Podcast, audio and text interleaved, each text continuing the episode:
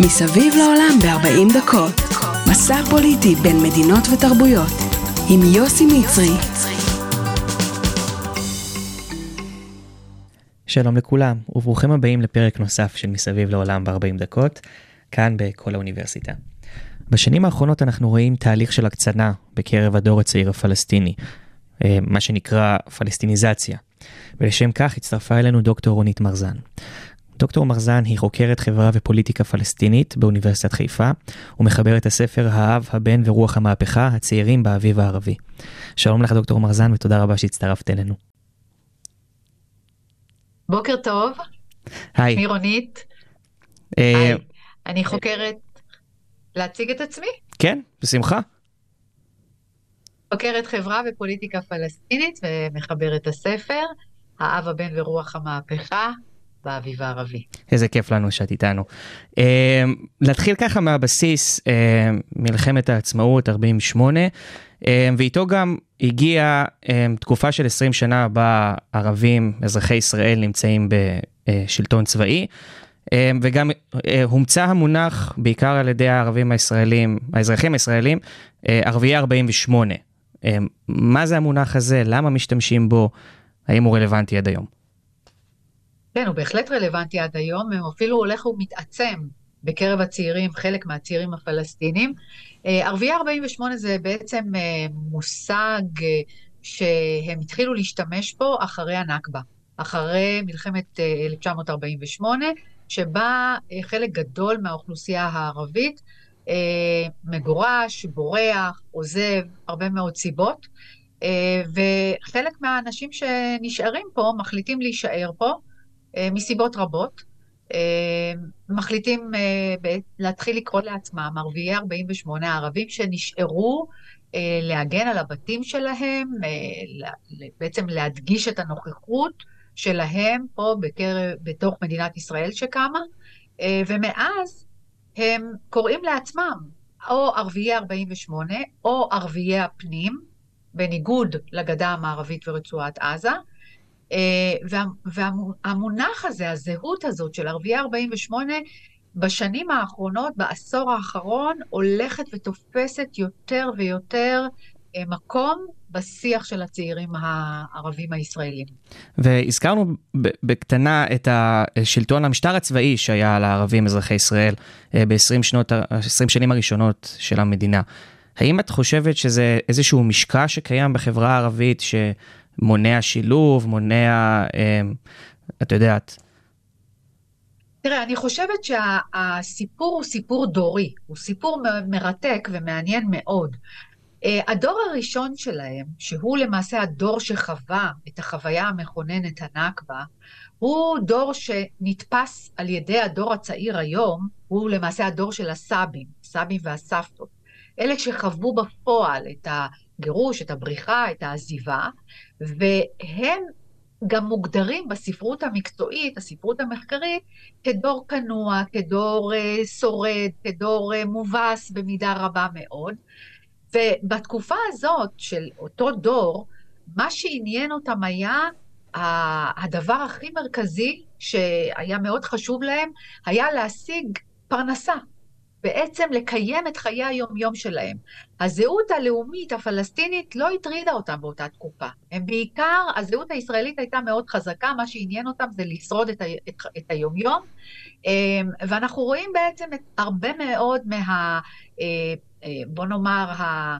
אמ, אני לא, לא יודעת אם לקרוא לזה פוליטיקאים, אבל המעורבות שלהם בפוליטיקה הישראלית הייתה במסגרת רשימות הלוויין של מפלגת מפא"י. זאת אומרת, באותה תקופה אנחנו לא רואים זהות לאומית פלסטינית מאוד בולטת. יותר היה עיסוק בחיי היומיום, בפרנסה היומיומית, הם תחת ממשל צבאי, צריך לזכור, והתנועה שלהם מוגבלת, ולכן גם היכולת שלהם אה, להתחיל ולגבש לעצמם מסגרות פוליטיות הרבה יותר קשה. ואז באה מלחמת 67. מלחמת 67, מלחמת ששת הימים, בעצם פותחת את הגבולות מחברת אותם בחזרה אל האחים שלהם, הפלסטינים, בגדה המערבית וברצועת עזה. הרבה מאוד לומדים, אה, הולכים ללמוד בגדה המערבית, הרבה מהם מנהלים עסקים מסחריים, מתחילים ביקורים משפחתיים, אה, ובעצם יש יותר ויותר אה, מתחילה לחלחל הזהות הלאומית הפלסטינית. ב-76' בעצם היא מגיעה, בוא נאמר, להבשלה, כאשר החוויה המכוננת היא יום האדמה. וביום האדמה הם מגיעים לבשלות פוליטית, וכתוצאה מהיום הזה, וגם מהריגתם של מותם של כמה פלסטינים, כמה ערבים ישראלים מוצאים את מותם באירועים האלה, לא פשוט, הם כבר אזרחים ישראלים, לא פשוט, ואז מתחילה בעצם לחלחל התובנה שאנחנו צריכים להתחיל בבינוי פוליטי מוסדי.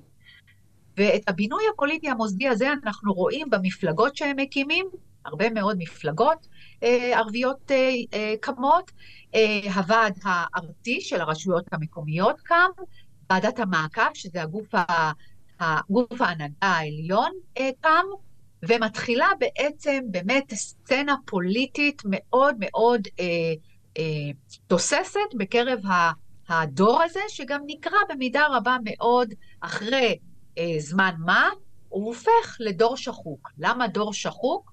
משום שהתקווה הגדולה ש, ש, והעיניים שנישאו אל הדור הזה של הפוליטיקאים, שהנה, סוף סוף אנחנו נצליח להשיג שוויון מהשלטון ההגמוני היהודי הישראלי, בעצם התבדה.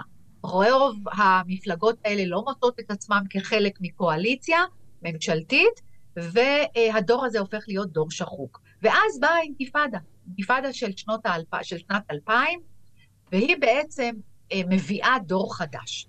דור הרבה יותר זקוף, דור לא כנוע, דור זקוף שלא מוכן יותר לקבל את התכתיבים הישראלים, ואומר, אז יש לנו זכויות והן מגיעות לנו בחסד, סליחה, לא בחסד, אלא בזכות ולא, בחוב, ולא בחסד. זאת אומרת, הם לא עושים לנו, אתם הישראלים, היהודים, לא עושים לנו טובה. מגיע לנו, מגיעות לנו הזכויות האלה.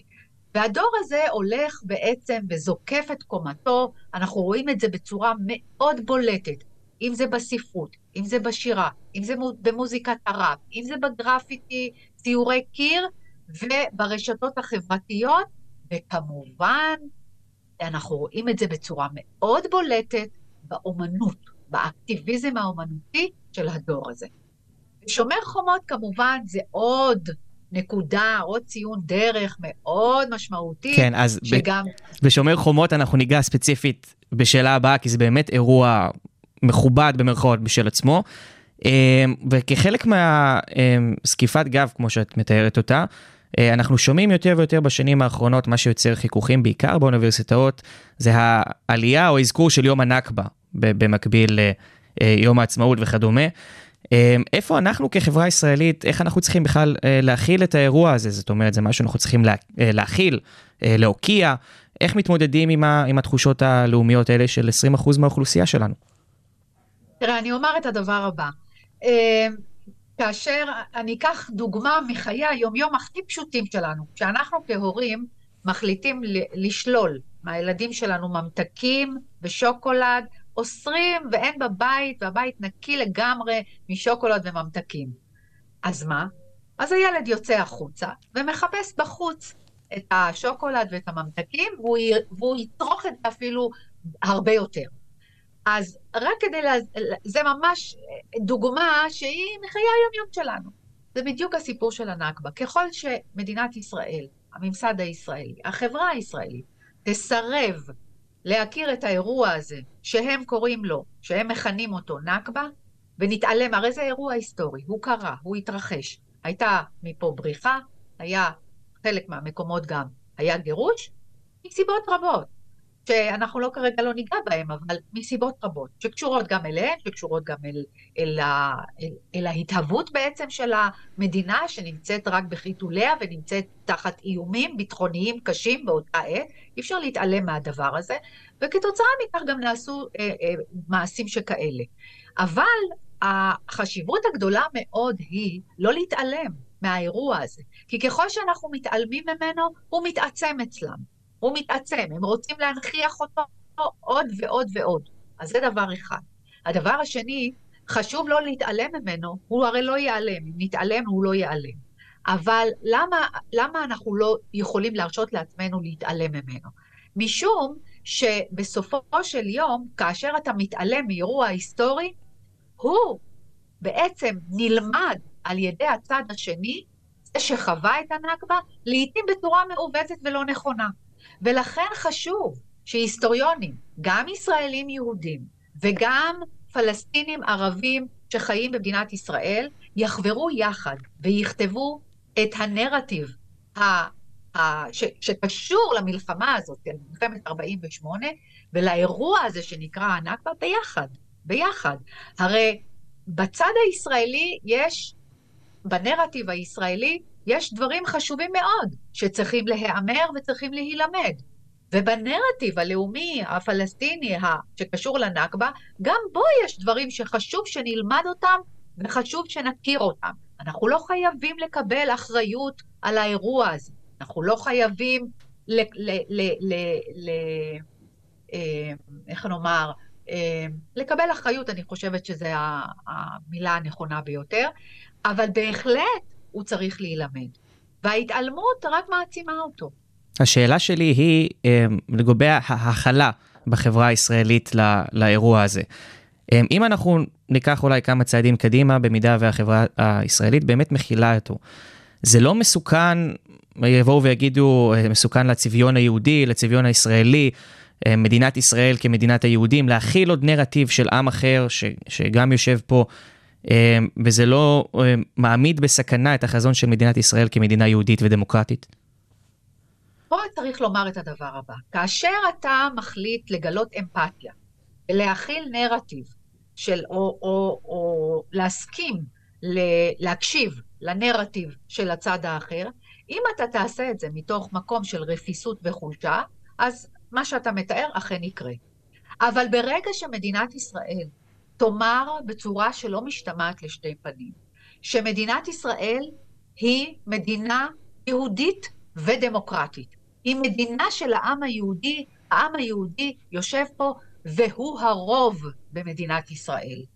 וכאשר מדינת ישראל תבוא ותבהיר שזה שיש פה רוב יהודי, זה לא מילה נרדפת להתעמרות בצד האחר ולאפליה של הצד האחר, אלא נהפוך הוא, אנחנו מדינה מספיק חזקה, וממרום שנותינו, 75 שנה, עוד מעט אנחנו מגיעים לגבורות גיל 80, אני חושבת שלמדינת ישראל צריך להיות מספיק ביטחון עצמי בקיום שלה כמדינה של העם היהודי. אין לנו, לעם היהודי אין מדינות נוספות.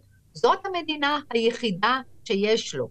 וצריך לשמור עליה כמדינה יהודית, אבל בהחלט מדינה דמוקרטית שמכירה בנרטיב הלאומי הפלסטיני, מאפשרת אה, אה, להכיל אותו, מאפשרת להקשיב לו, והכי חשוב, מעניקה זכויות שוות לחברה הערבית בישראל כאזרחים שווים לכל דבר.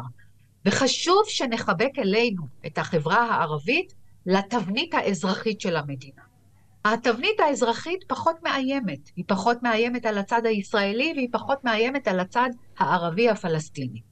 אבל כאשר אתה הולך ומבליט את הזהות הלאומית הבלעדית של מדינת ישראל, הרבה פעמים אתה בעצם אה, גורם לצד השני להרגיש נחיתות, להרגיש אה, מאוימות מסוימת, ואתה גורם לו לאנטגוניזם, לרצון בעצם להשיב מלחמה שערה, וזה אומר בעצם להפוך את הנרטיב הלאומי שלו להרבה יותר לאומני.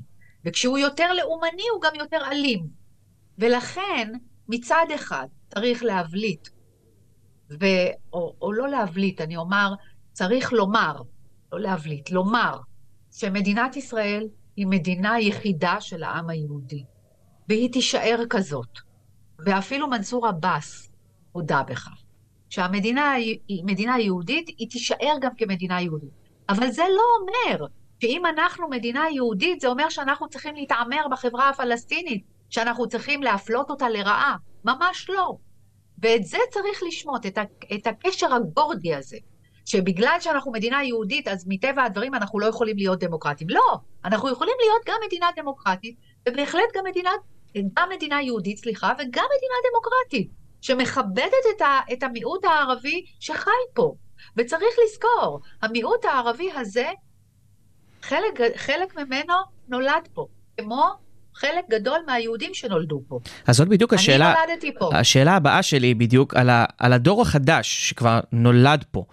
אמ, איפה לדעתך אנחנו בתור מדינה, בתור ממסד, אה, פספסנו את הדור הזה ונתנו לו את כל הכלים, במרכאות כמובן, אה, לפתח, אה, להגביר פלסטיניזציה, שהם ירגישו יותר מזוהים עם הלאום הפלסטיני מאשר המדינה שבה הם אזרחים. תראה, על ציר הזמן שאתה מסתכל, כשפרצה אינתיפאדת אל-אקצא, יצא דוח, דוח חשוב מאוד של ועדת אור. הוא יושב על המדף ומעלה אבק. היום תיקח את הדוח, אני מלמדת אותו, את הסטודנטים שלי, וכשאני מקריאה להם קטעים מתוך הדוח, הם אומרים, וואו, זה כמו בשומר חומות. זאת אומרת, דבר לא השתנה. אנחנו לא משנים את היחס שלנו, אנחנו נדמה לחברה הערבית בישראל.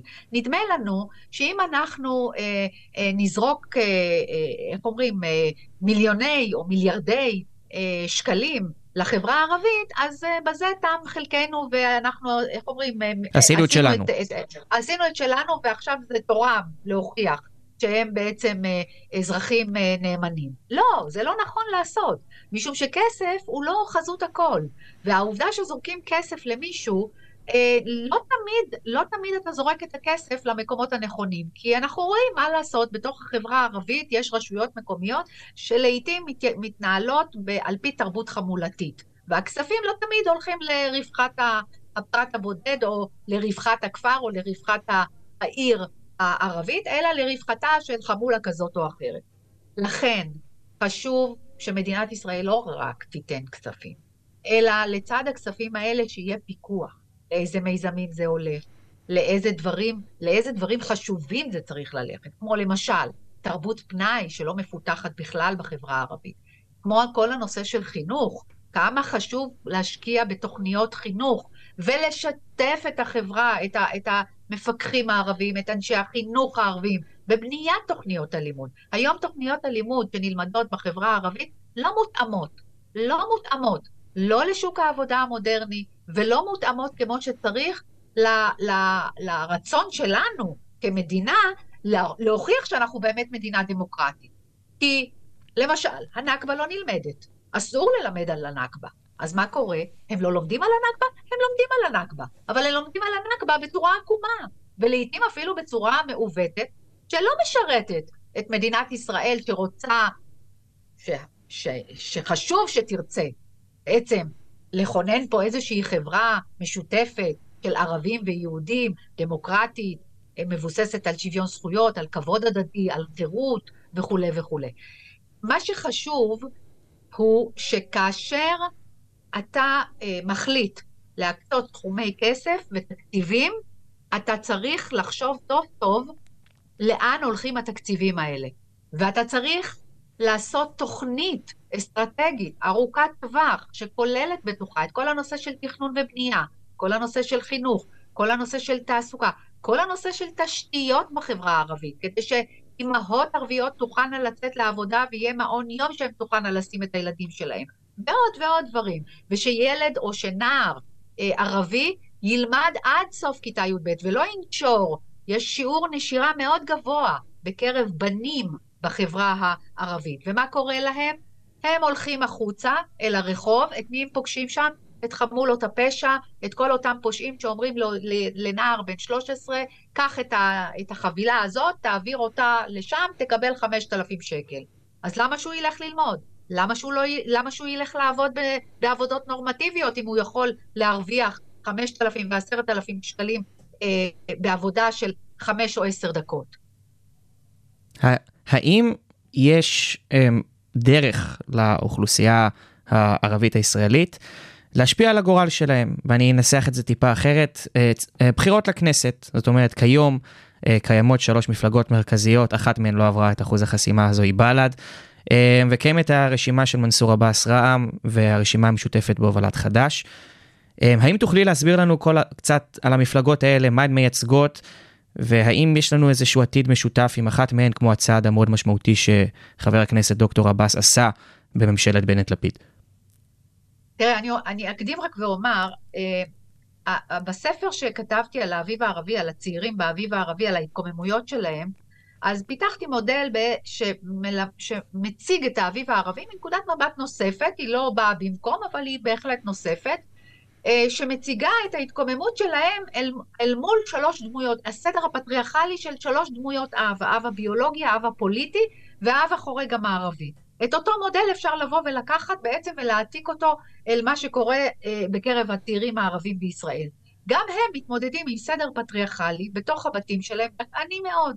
עכשיו, זה לא איזושהי אה, גישה אוריינטליסטית שלי שמציגה את, ה, את הבית הערבי בישראל כבית פטריארכלי, אלא זה הם עצמם. הם עצמם כותבים על זה, מבקרים את זה מעל כל בימה, אתה שומע את זה גם במוזיקת הראפ שלהם, אתה שומע את זה גם ביצירות הספרותיות, אתה רואה את זה גם באומנות שלהם. זאת אומרת, הסיפור הזה של, ה, של חלק מהבתים הערבים בישראל, הסדר הפטריארכלי הוא דכאני והוא נוכח מאוד, ומדכא בעצם את היכולת שלהם לחשוב באופן חופשי, ליצור באופן חופשי, מבלי שבעצם יעמוד הגבר המבוגר בראש ויכתיב להם אה, מה לעשות. אז זה דבר אחד.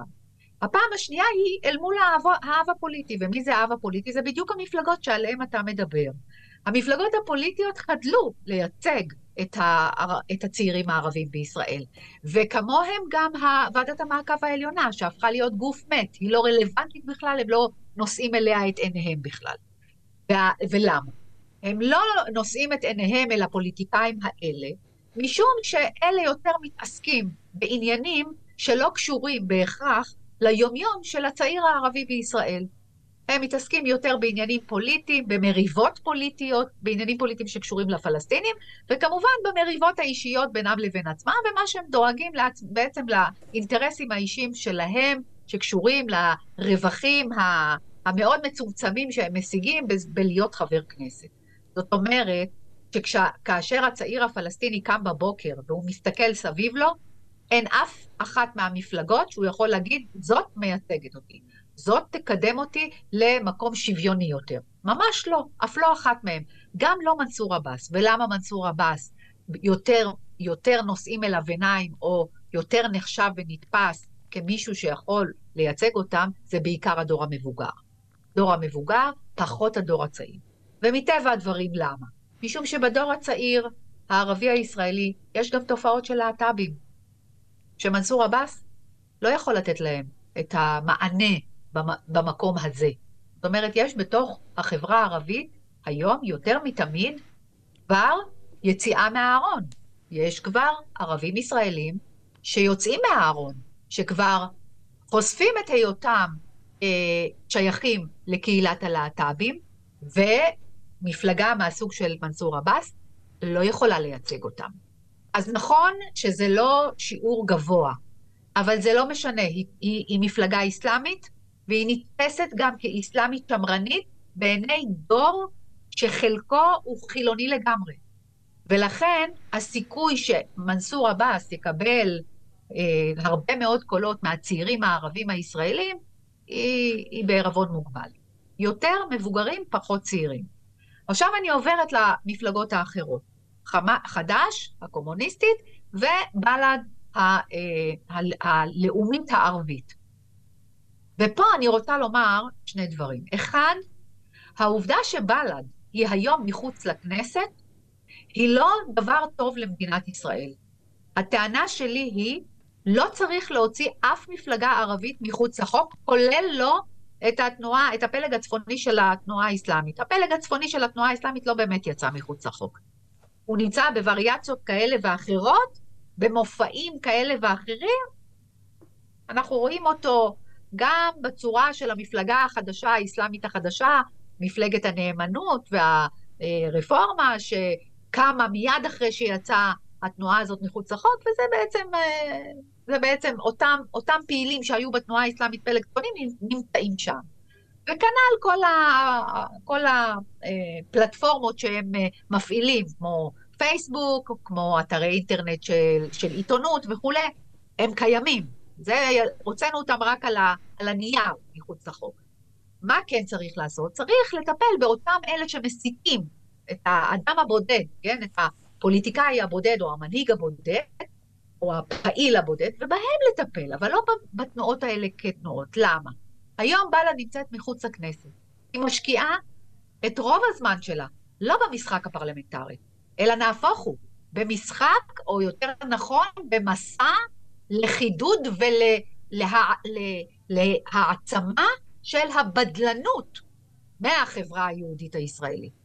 וכל הסטיקרים שלהם וכל הסיסמאות שלהם שהם רוצים לשתף פעולה עם החברה היהודית הישראלית, עורבא פרח. משום שאם אתה נכנס לתוך דפי הפייסבוק שלהם, אתה מגלה בדיוק לאן פניהם, והם לא מסתירים. כאשר הם קוראים לי ולך מוהג'ר, כן, מהגר ודחיל, אורח, אז ברור לאן פניהם. או כשהם אומרים מדינת ישראל בכלל היא תוצר של קולוניאליזם והיא קמה בעצם בחטא ואין לה זכות קיום כמדינה יהודית. אי אפשר לשתף פעולה עם תנועה כזאת ועם עם מגמה בדלנית שכזאת. ולכן כשהיא נמצאת מחוץ לכנסת ולא משחקת את המשחק הפרלמנטרי, היא הרבה יותר מסוכנת, כי מתפנה לה הרבה מאוד זמן להכשיר את הלבבות של הצעירים האלה, שאם מדינת ישראל לא תחבק אותם אליה, הם ילכו אליה. הם ינהו אחריה. כי היא תיתן להם זקיפות קומה לאומית, מה שמדינת ישראל לא מאפשרת. וכשאתה מחוקק חוקים שאוסרים להניף את הדגל הפלסטיני, וכשאתה לא מרשה להם ללמוד על הנכבה, וכשאתה מחוקק את חוק הלאום, וכשאתה מחוקק את חוק המואזין, וכשאתה מחוקק כל מיני חקיקות שכאלה, אתה בעצם אומר להם, לכו, לכו לבל"ד. אין לכם מקום אצלנו. וזה מה שקורה. והיום, ובל"ד לא עברה את אחוז החסימה, אבל לא כדאי שנתבשם ונשב על זרי דפנה ונגיד, הנה, הם לא הולכים אחריהם. לא, לא. הם לא עברו את אחוז החסימה, אבל הם יעשו היום חריש עמוק בקרב האוכלוסייה הערבית, ויש להם פלטפורמות מתוחכמות ומאוד מאוד אה, אה, עכשוויות, מאוד מודרניות, מאוד מתכתבות עם הדור הזה, ולכן, אה, עם הטכנולוגיה שהדור הזה בעצם אה, נוכח בה ומשתמש בה, ולכן הם ינצחו. ולכן הקו הזה ינצח בסוף. הקו הלאומי הזה שיהפוך מהר מאוד ללאומני ואלים. וראינו את זה בשומרי חומות. ואיפה חד"ש נמצאת בכל ה... כל הסיפור הזה? חד"ש זה סיפור, חד"ש זה סיפור באמת מרתק. כי על פניו זאת מפלגה שאמורה עודה, לייצג שותפות יהודית-ערבית. נכון מאוד. ואיימן עודה, כאשר עשה את הצעדים הראשונים שלו, כן, ב, ב, ב, ב, כשהוא נבחר, כן, לכנסת ישראל, ועשה את הצעדים הראשונים שלו, הצעדים הראשונים שלו היו צעדים מבטיחים מאוד. ואני תהיתי האם הוא יהיה מרטין לותר קינג של הערבים בישראל, ואפילו כתבתי על זה מאמר דעה. הוא, המסע הראשון שלו היה מסע רגלי מהכפרים הבלתי מוכרים בנגב לבית הנשיא. הוא היה שותף בהפגנות של העדה האתיופית. הוא היה שותף בהפגנות בנושא של הדיור. הפגנות משותפות עם החברה היהודית. הוא עשה הרבה מאוד דברים חשובים מאוד בראשית דרכו, וגם הנאום שלו בכנסת היה נאום מכונן, נאום מאוד חשוב, נאום שבו הוא אומר, אני רוצה להיות חלק מהחברה הישראלית, אני לא רוצה להתבדל ממנה. אלא מאי? אנחנו המשכנו לתייג אותו כמי, ש, כ, כמי שבעצם אה, עובר לטרוריסטים וכל מיני אה, אה, אמרות שפר שכאלה, במקום לשתף איתו פעולה, במקום לשלב אותו בקואליציה ממשלתית, לעשות הכל שהוא יהיה חלק מקואליציה ממשלתית. משום שחד"ש חרתה על דגלה להיות שותפה במדינת ישראל ולהשתלב במדינת ישראל. מאז שהיא קמה, ויש בתוך המפלגה הזאת גם יהודים ששותפים לחשיבה הזאת. ולכן אנחנו פספסנו את חד"ש ובגדול. ומה שקרה לאיימן עודה, כאשר קמה הרשימה המשותפת, עכשיו למה קמה הרשימה המשותפת? הרשימה המשותפת הרי היא אה, הרכב של מפלגות שהן שונות אחת מהשנייה. יש את המפלגה האסלאמית, יש את חד"ש, שהיא מפלגה שרוצה השתלבות ורוצה שותפות, ויש את בל"ד, שהיא מפלגה בדלנית. עכשיו, שלושת המפלגות האלה חברו יחד, למה הם חברו יחד? הם חברו יחד כדי לעבור את אחוז החסימה. כי ליברמן ושותפים נוספים חברו ל, ל, ל, למחשבה שאנחנו נעשה להם, נכונן אחוז, נקבע אחוז חסימה גבוה, ואז הם לא יעברו, ו... ומה שקרה, הם התאחדו. עכשיו, כאשר אתה מתאחד, והמפלגות הן כל כך שונות אחת מהשנייה, מה יקרה בדרך כלל? יקרה שזאת שהכי לאומנית תגרור את כל היתר. למה? כי תיוותר תחרות ביניהם מי שומר על הדימוי הלאומי הפטריוטי שלו. כדי לא לחשב בוגד ומשת"פ של הישראלים, אז בדרך כלל הולכים אחרי הקיצוני יותר. ובל"ד סימנה קו קיצוני, והיא גררה אחריה כל הזמן את חד"ש להוכיח שאני לא פחות פטריוטית ממך בל"ד. מי לא הסכים לשחק את המשחק הזה? מנסור עבאס. כי הוא הבין לאיפה גוררת אותה, אותם בל"ד. והוא אמר, לא, אני לא רוצה להיגרר אחרי המפלגה הלאומית הערבית הזאת, כי אני מפלגה אסלאמית. אותי יותר מעניין הזהות האסלאמית שלי מאשר הזהות הלאומית שלי. ולכן הוא יצא מהרשימה המשותפת. עכשיו שים לב, איימן עודה הודיע, רק לאחרונה, שהוא פורש מהחיים הפוליטיים, שהוא עוזב את חד"ש. עכשיו, אני לא בטוחה, יש שתי אפשרויות. שאיימן עודה, או שהוא באמת החליט אה, לפרוש מהכנסת, זאת אומרת, לא לשחק יותר את המשחק הפרלמנטרי הישראלי, ואז הוא ילך להתמודד על הנהגת ועדת המעקב, שהיא גוף ההנהגה העליון של, ה... של, של הערבים בישראל, והוא בעצם יפיח בו רוח חיים מחדש, ישיב אותו בעצם לשנות התשעים המפוארות של הגוף הזה, או שהוא יקים מפלגה אחרת, חדשה, שיש בה הרבה מאוד צעירים. וזאת תהיה האופציה השנייה, היא בעצם הוא... מסוג של תקווה בשבילנו, במידה וזה יקרה. בהחלט, וגם לדעתי תקווה עבור הצעירים הערבים בישראל, שאין להם היום למי להצביע. אין להם היום באמת למי להצביע. למפלגות הציוניות הם לא יצביעו. הם בחיפוש זהות ושייכות. הם רוצים מנהיג והנהגה שבעצם הם יוכלו להגיד, היא מייצגת את הזהות הלאומית שלנו. ואת זה אין להם היום. ולכן, אחת מהשניים, או שאיימן עודה ילך, יבחר באופציה של ועדת המעקב, ואז זו אופציה אה, מתעמתת, אנטגוניסטית, מאוד בעייתית מבחינת מדינת ישראל, כי, כי אנחנו זוכרים מה ועדת המעקב עשתה, כל הזמן היינו צריכים לרוץ אליה, כדי לבקש להנמיך את הלהבות, או שהוא יבחר באופציה השנייה, והיא בשורה.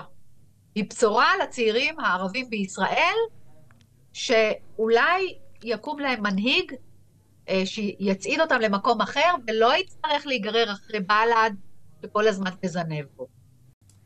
אז בעצם בין כל, ה, כל הבלגן הזה, אני חושב שהאירוע שמסמל באופן הכי הכי משמעותי את קו השבר בעיקר בדור הצעיר הערבי-ישראלי, פלסטיני, אה, זה שומר חומות. אה, מה, מה, מה קרה שם שלפחות לנו בטלוויזיה נראה שכל הדור הזה פשוט נדלק ויוצא לרחובות? תראה, אני חושבת שזה לא, האירוע עצמו זה היה השיא של תהליך ארוך, ארוך שנים, אה, למעלה מעשור, שהדור הצעיר הזה מרגיש שלא באמת יישמו את מה שנכתב בוועדת אה, אור. אה, והם ילידי שנות ה... חלקם הם ילידי שנות ה-90 וה-2000.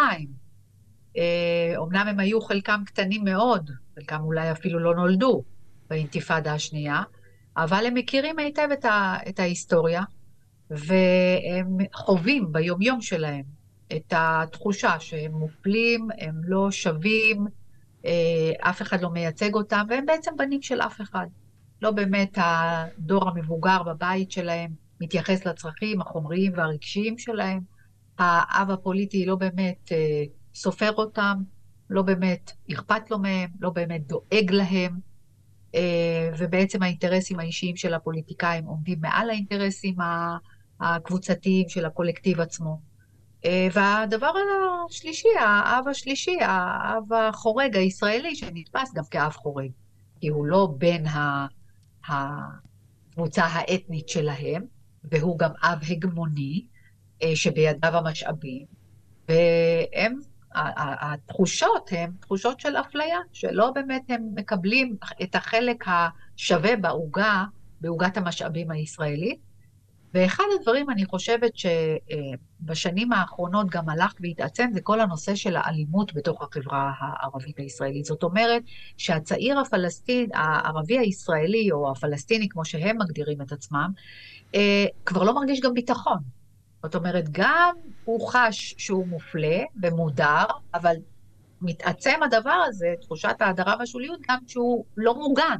זאת אומרת, הוא לא זוכה לאותה הגנה שזוכה הצעיר היהודי בחברה היהודית. זאת אומרת, הוא בעצם אה, לא מוגן, הוא לא מתפרנס כפי שהם מרגישים בכבוד, והדבר הזה הוא מאוד מאוד משמעותי. עכשיו, זה, זה נורא חשוב להבין שבחברה הערבית, שהיא חברה גם אה, מסורתית ודתית, חלקה, חלק, חלק לא קטן ממנה, הציוויים הדתיים של הגנה על המשפחה ודאגה לפרנסתה, הם שני ציוויים מאוד מאוד משמעותיים, הם ציוויים דתיים.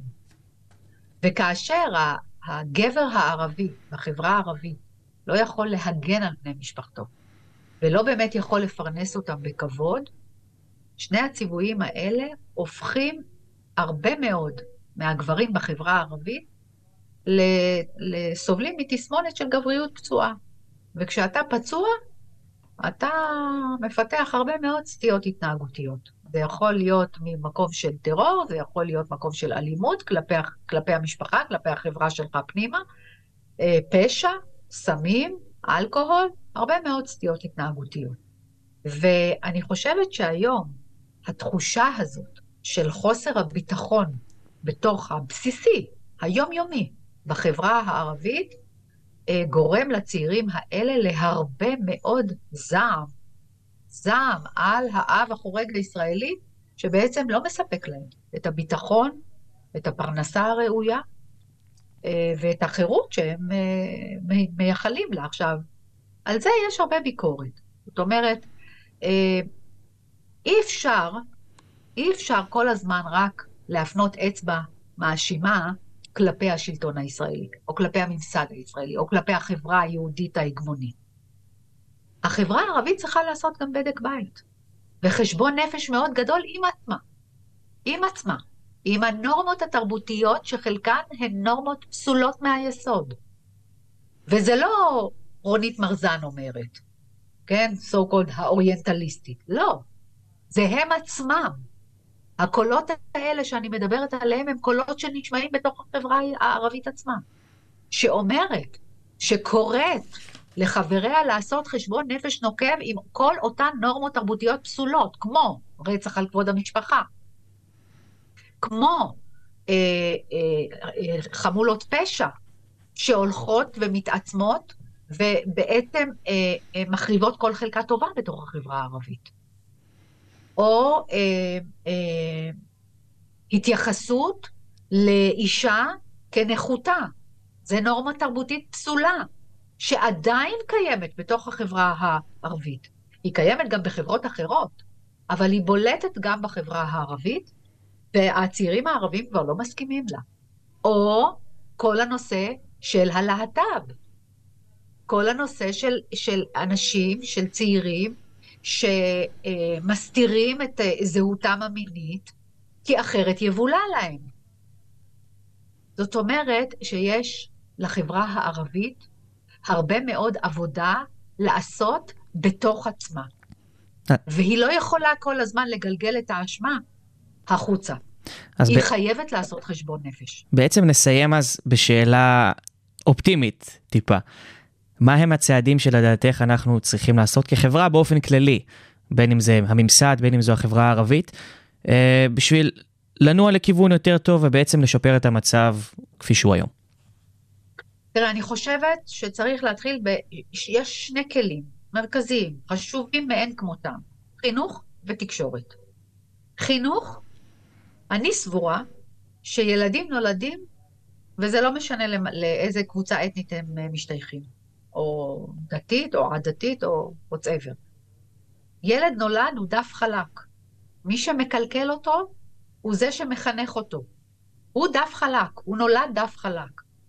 וכאשר הוא נולד דף חלק, אם אנחנו נשכיל להקים מסגרות חינוכיות משותפות, דו-לשוניות, שערבים ויהודים ילמדו מהגן, כולל בתי ספר יסודיים, כולל בתי ספר תיכוניים, אזוריים, להפוך את מערכת החינוך למערכות חינוך אזוריות. זאת אומרת, ילדים, יהיה אוטובוס שייסע בבוקר מסכנין, מעראבה, לכרמיאל, או לאיזשהו יישוב מקומי באמצע שיחליטו, והילדים ילמדו יחד.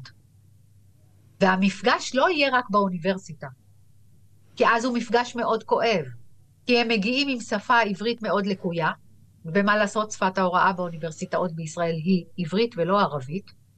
המפגש עם היהודים הוא מפגש שהתחושה היא שאני פה והוא פה, זאת אומרת, של התנשאות מאוד גדולה, כי בכל זאת, הסטודנט היהודי, הוא יודע את השפה העברית, אז מה שנשאר לו בעצם להתמודד, זה רק עם החומר הנלמד.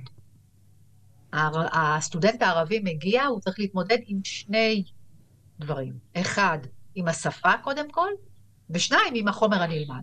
זאת אומרת, הוא בא כבר באיזושהי עמדת נחיתות. לכן, חייבים להתחיל את הלימוד ואת השותפות ואת השילוב מגיל אפס. מגיל אפס, ילדים צריכים להיות, לגדול ביחד. זה אחד. וכאשר אתה גדל ביחד, ואתה נחשף לתרבות של האחר ולדת של האחר, אתה לומד לכבד פלורליזם. אתה מתחנך על פלורליזם. הנכדים שלי האישיים גרים לצערי בארצות הברית. הם מתחנכים בבית ספר בינלאומי. אין להם שום שנאות לאף עדה, לאף קבוצה. הם לא מכירים את המושגים האלה בכלל. הם מתחנכים על אמפתיה, על סובלנות, על פלורליזם, על קבלת האחר באשר הוא. ואת זה, את הערכים האלה, חייבים להביא לתוך מערכת החינוך בישראל. זה קודם כל.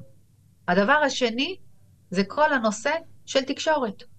התקשורת בישראל, לצערי הרב, היא כלי לליבוי יצרים. ליבוי יצרים ושנאות. במקום הפוך. במקום לראות איך מהדהדים שיח אחר לגמרי, מביאים את חברי הכנסת לא כדי, לח... הערביים, לא כדי לחבוט בהם, אלא כדי לשמוע מה בפיהם, איזה בשורות, איזה דברים חשובים הם עשו למען קירוב לבבות. לא אם הוא עמד דום לשהיד הזה או לשהיד ההוא.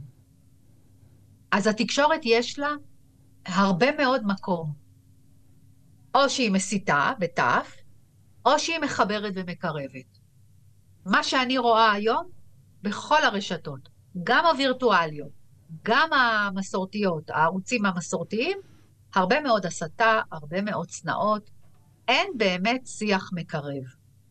מראים רק כמה שונאים אחד את השני, במקום להראות, יש כל כך הרבה מיזמים, חשובים מאוד במדינת ישראל, חשובים מאין כמותם, של הרבה מאוד עמותות, של יהודים וערבים שפועלים ביחד, למען קירוב לבבות.